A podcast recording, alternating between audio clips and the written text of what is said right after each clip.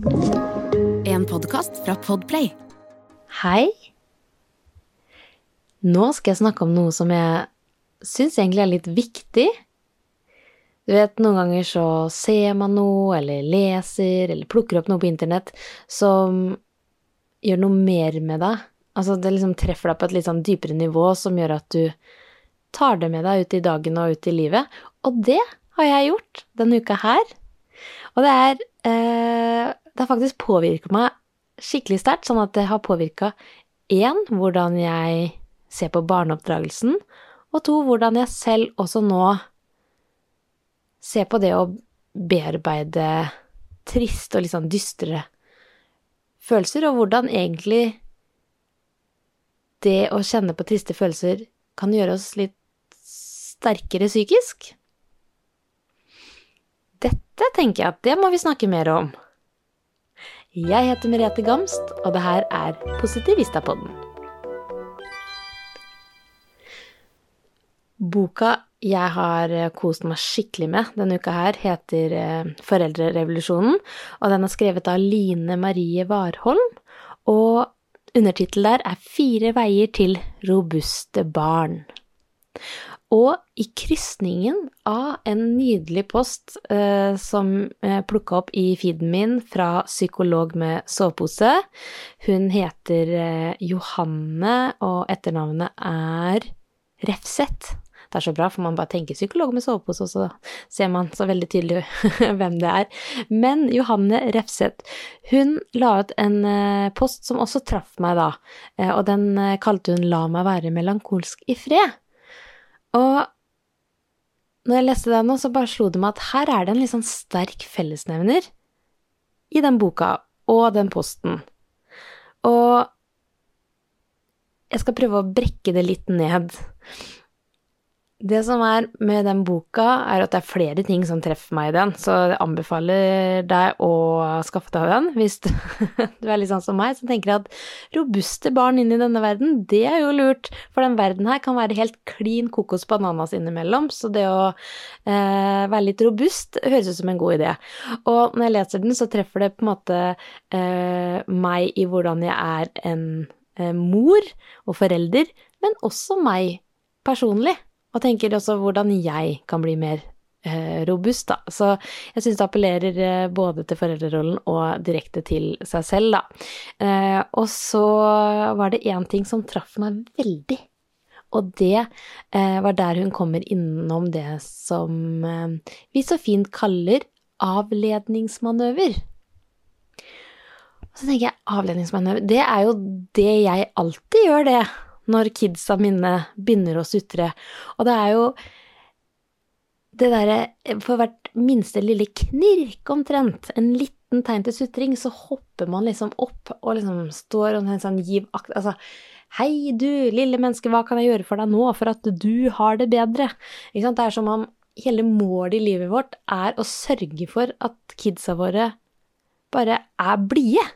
At de bare eh, ikke har noe motstand i livet. Vi bare skal liksom legge det til rette for at de bare sklir gjennom livet og har det helt toppers.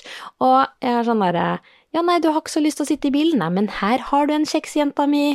Eller eh, Vilma som bare Nei, du vil ikke ha den leken. Nei, men her har du en annen leke, den er mye større og finere og enda finere farge. Lek med den isteden. Ikke begynn å gråte, ikke begynn å gråte. Altså, Selvfølgelig, når barn gråter, så skal vi jo trøste dem, det er jo ikke det jeg snakker om her. Og disse små barna skal selvfølgelig få eh, behova sine dekka sånn eh, mat, søvn, eh, nærhet. Det er ikke det jeg snakker om, men det her er jo liksom de tinga på toppen av det, at vi foreldre kanskje ofte, eller kan snakke for meg selv, kan bli veldig sånn server de, eh, og mm, fram til de legger seg, og da er det sånn Å, nå kan jeg gjøre mine ting, men fram til da så handler det bare om å legge til rette, da.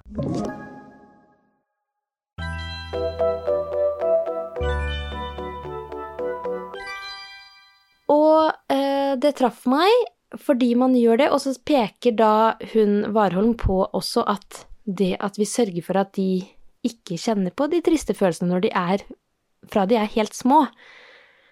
Og så skal på en måte vi avleder med noe, så ikke kjenn på disse vonde, triste følelsene at du har det litt kjipt nå. Eh, det tar man jo med seg i livet, så når man blir tenåring, da, så kan livet treffe deg ganske in your face. Uh, at det plutselig er Man ser at livet er jo ikke bare sånn så kos og alt bare hopper fra blomst til blomst uten motstand.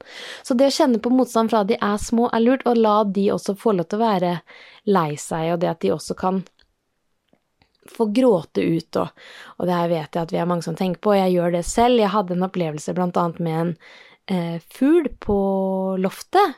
Amelia og jeg fant jo en søt liten spurv som eh, levde på loftet og var redd, men vi bare sånn denne skal vi jo redde.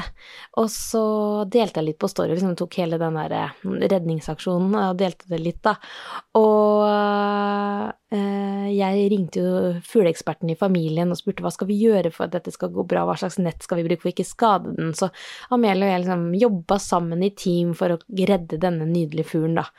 Og så legger vi den ut og skal inn i garasjen og finne en eske, og så kommer vi ut, og så går jeg inn mens Amelie fortsatt eh, er inne, og så er jo fuglen død. Og da er det lett å tenke sånn Å nei, den fløy, fløy sin vei. Eh, beklager, Amelie, det, nå er den fri. Men da tenkte jeg Det her må jo jenta mi få se. På tre år var hun vel da, eller kanskje hun akkurat hadde fulgt fire år. Og hun ble så lei seg. Ikke sant, hun gråt og gråt, men det var vi sånn Vi var litt lei. Jeg syntes det var trist selv. Så vi sto og gråt litt sammen og snakka litt om livet og døden, og så ble det en litt sånn fin, sterk stund. Så fikk hun liksom litt mer forståelse for også hva livet kan være da, for eksempel denne spurven som ikke fikk lov til å være med videre. Og når jeg delte jeg hadde bilde av den fyren, så hørte man liksom at Amelie hulka litt i bakgrunnen. Og da var det faktisk en prest også som skrev til meg at så utrolig fint at du tok med dattera di på det, og viste det. Og det var flere som skrev til meg at sånn Å, jo, det hadde ikke jeg turt å gjøre, jeg hadde jo sikkert bare gjemt unna den fuglen. Men så, jeg følte at det var riktig å gjøre det, og når jeg leser den boka og blir sånn minna på det der at hvor viktig det er for oss å kjenne eh, på de triste følelsene og kjenne på motstand, så er det bra på et vis. Fordi det gjør at når livet kommer og på en måte eh, gir deg noen slag, så står du kanskje litt sterkere i det. Og det samme med en eh, nabojente her som sa til Amelie eh, i sommer sånn Amelie sier 'Skal vi leke sammen?' sier hun. 'Nei, Amelie, jeg vil ikke leke med deg'. Og så og så hjert, mamma-hjertet blir jo sånn Nei, nei, nei. Går, hvordan skal dette gå? Skal hun takle det? Og så ser jeg liksom at hun blir sånn Hun sier at hun ikke vil leke med meg. Så jeg nei, men det ja, så gikk jeg vel rett i avledningsmanøver der og da, men, men det er sånn Ja, men da kan vi finne finner vi bare på noe annet. Det er greit. Men det jeg faktisk genuint kjente når hun sa det, etter jeg kom over den Åh, det her, stakkars, det her går jo ikke an å snakke sant til hverandre, så faktisk tenkte jeg så bra at hun får oppleve det så ung, og få eh, avvisning. Fordi det kommer hun til å kjenne på senere i livet. Så plutselig var det ikke så dumt å få det litt fra også de man er glad i rundt seg. Sånn, akkurat nå har ikke jeg så veldig lyst til å leke med deg. Og så takler man det. Og når eh, jeg så den posten til psykolog med sovepose, så traff det meg så innmari. For der sto det jo nettopp det der at la meg få lov til å være liksom, i fred med melankoli og eh, triste følelser Altså kjenne på liksom Sånn som hun skrev, da, at eh, hun hadde egentlig blitt litt provosert av et innlegg. Eh, skal jeg prøve å gjengi det riktig? Dere må gå og lese hele posten. Og så har fått veldig mange fine kommentarer under den posten, og det er jo så mye engasjement der, så jeg blir sånn fascinert av hvor mye fint også eh, følgerne deler under den posten. Um, men at, man, at, hun hadde kjent på liksom provokasjon når hun så en, eh, et annet innlegg som sa Prøvde liksom å hacke Hvis du har, føler det har, er trist, så må du prøve å gjøre dette og dette, og hvis ikke det går, så må du ringe, en, ringe hjelpetelefonen. Og så ble hun sånn Vi må ikke glemme at det å kjenne på de triste følelsene, det må vi også være lov. Det er ikke noe sykt med å ha de triste følelsene. Vi må skille med det. Da, at vi snakker så mye om um, psykisk helse og sånn, og så er det også ja, at det er Man går rett det og leter etter diagnoser istedenfor å også på en måte skille hva som også er det er, noe, det er ikke noe, sykt å være trist, ikke sant? Så det er sånn, hvor går skillet? Men det at hun også på en måte beskriver det at når vinteren kommer, så er det fint å sitte og kjenne på følelser om rundt døden og evigheten og Og det er helt uh, greit, det også, uten at man trenger å sette noen diagnose på det. Ikke bare er det greit, men at det er viktig. At det er viktig å kjenne på egne følelser. Og selv kan jeg jo kjenne på den. Hvis man er nedfor, så er det sånn Nei, men da setter jeg på Friends, da, for jeg skal ikke kjenne på de følelsene. Så vi har nok Eller jeg har gjort det i oppveksten selv, at, at jeg distraherer meg selv. Um, og det er jo det Altså, Netflix, hello, hvor mye er det man bruker det på, liksom, for å bare koble ut hjernen, og så slipper man å tenke? Men hvis man aldri kjenner liksom ordentlig etter inni seg, og kjenner etter på følelsene, og bearbeider de, nei, men da er det kanskje altså, Det er jo så mange som spør seg vi har det så bra, men hvorfor har vi det ikke bedre inni oss? Men kanskje nettopp det at vi blir litt numne, da, når man ikke kjenner på livets opp- og nedturer. Og når jeg sitter og snakker sånn her, det er jo ikke jeg som er psykologen her, men jeg refererer da til eh, psykolog Warholm og psykologen med sovepose. Eh, så jeg bare deler mine tanker og refleksjoner rundt det, for jeg syns de har utrolig eh, fine og viktige poeng. Og så slo det meg, når jeg satt på konserten til Andreas, samboeren min, som er um, komponist og spiller piano og har konserter nå som heter Ro, og vi er på en sånn liten miniturné, og i går så var vi i Halden, i Berg kirke, og den er 1000 år gammel. Åh, det gjør noe med meg når jeg går inn i de kirkene og liksom forbi den kirkegården. Man kommer liksom tett på døden, og så kommer man inn, og så skal man skape noe vakkert der inne, og stearinlys overalt, og dempa belysning, og så bare piano som bare Ja, og så hadde Andreas en dedikasjon til hans mor, mors mor, som han aldri fikk møtt fordi hun døde tidlig. Og når han setter i gang og spiller de tonene, som han liksom sier at den her er til henne òg, så treffer det meg så sterkt.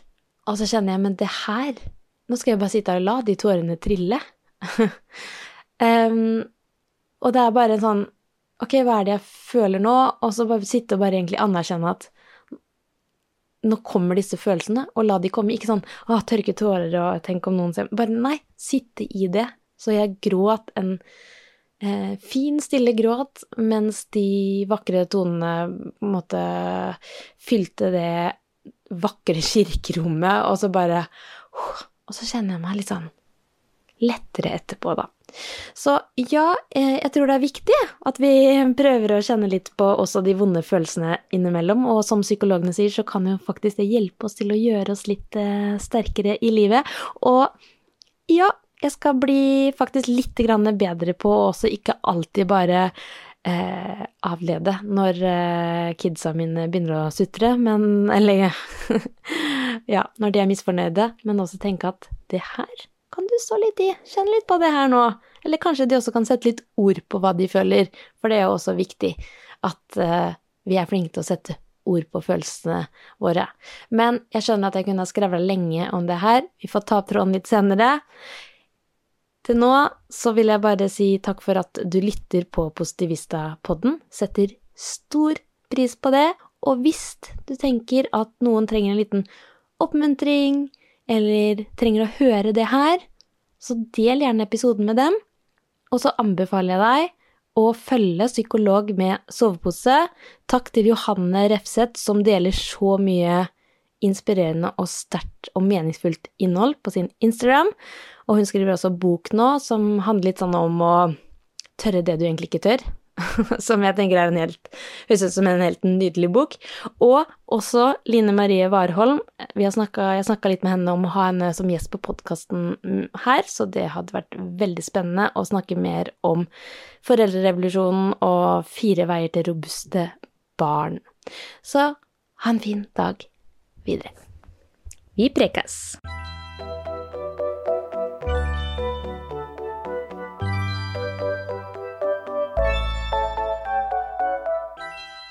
Du har hørt en podkast fra Podplay. En enklere måte å høre podkast på. Last ned appen Podplay, eller se podplay.no.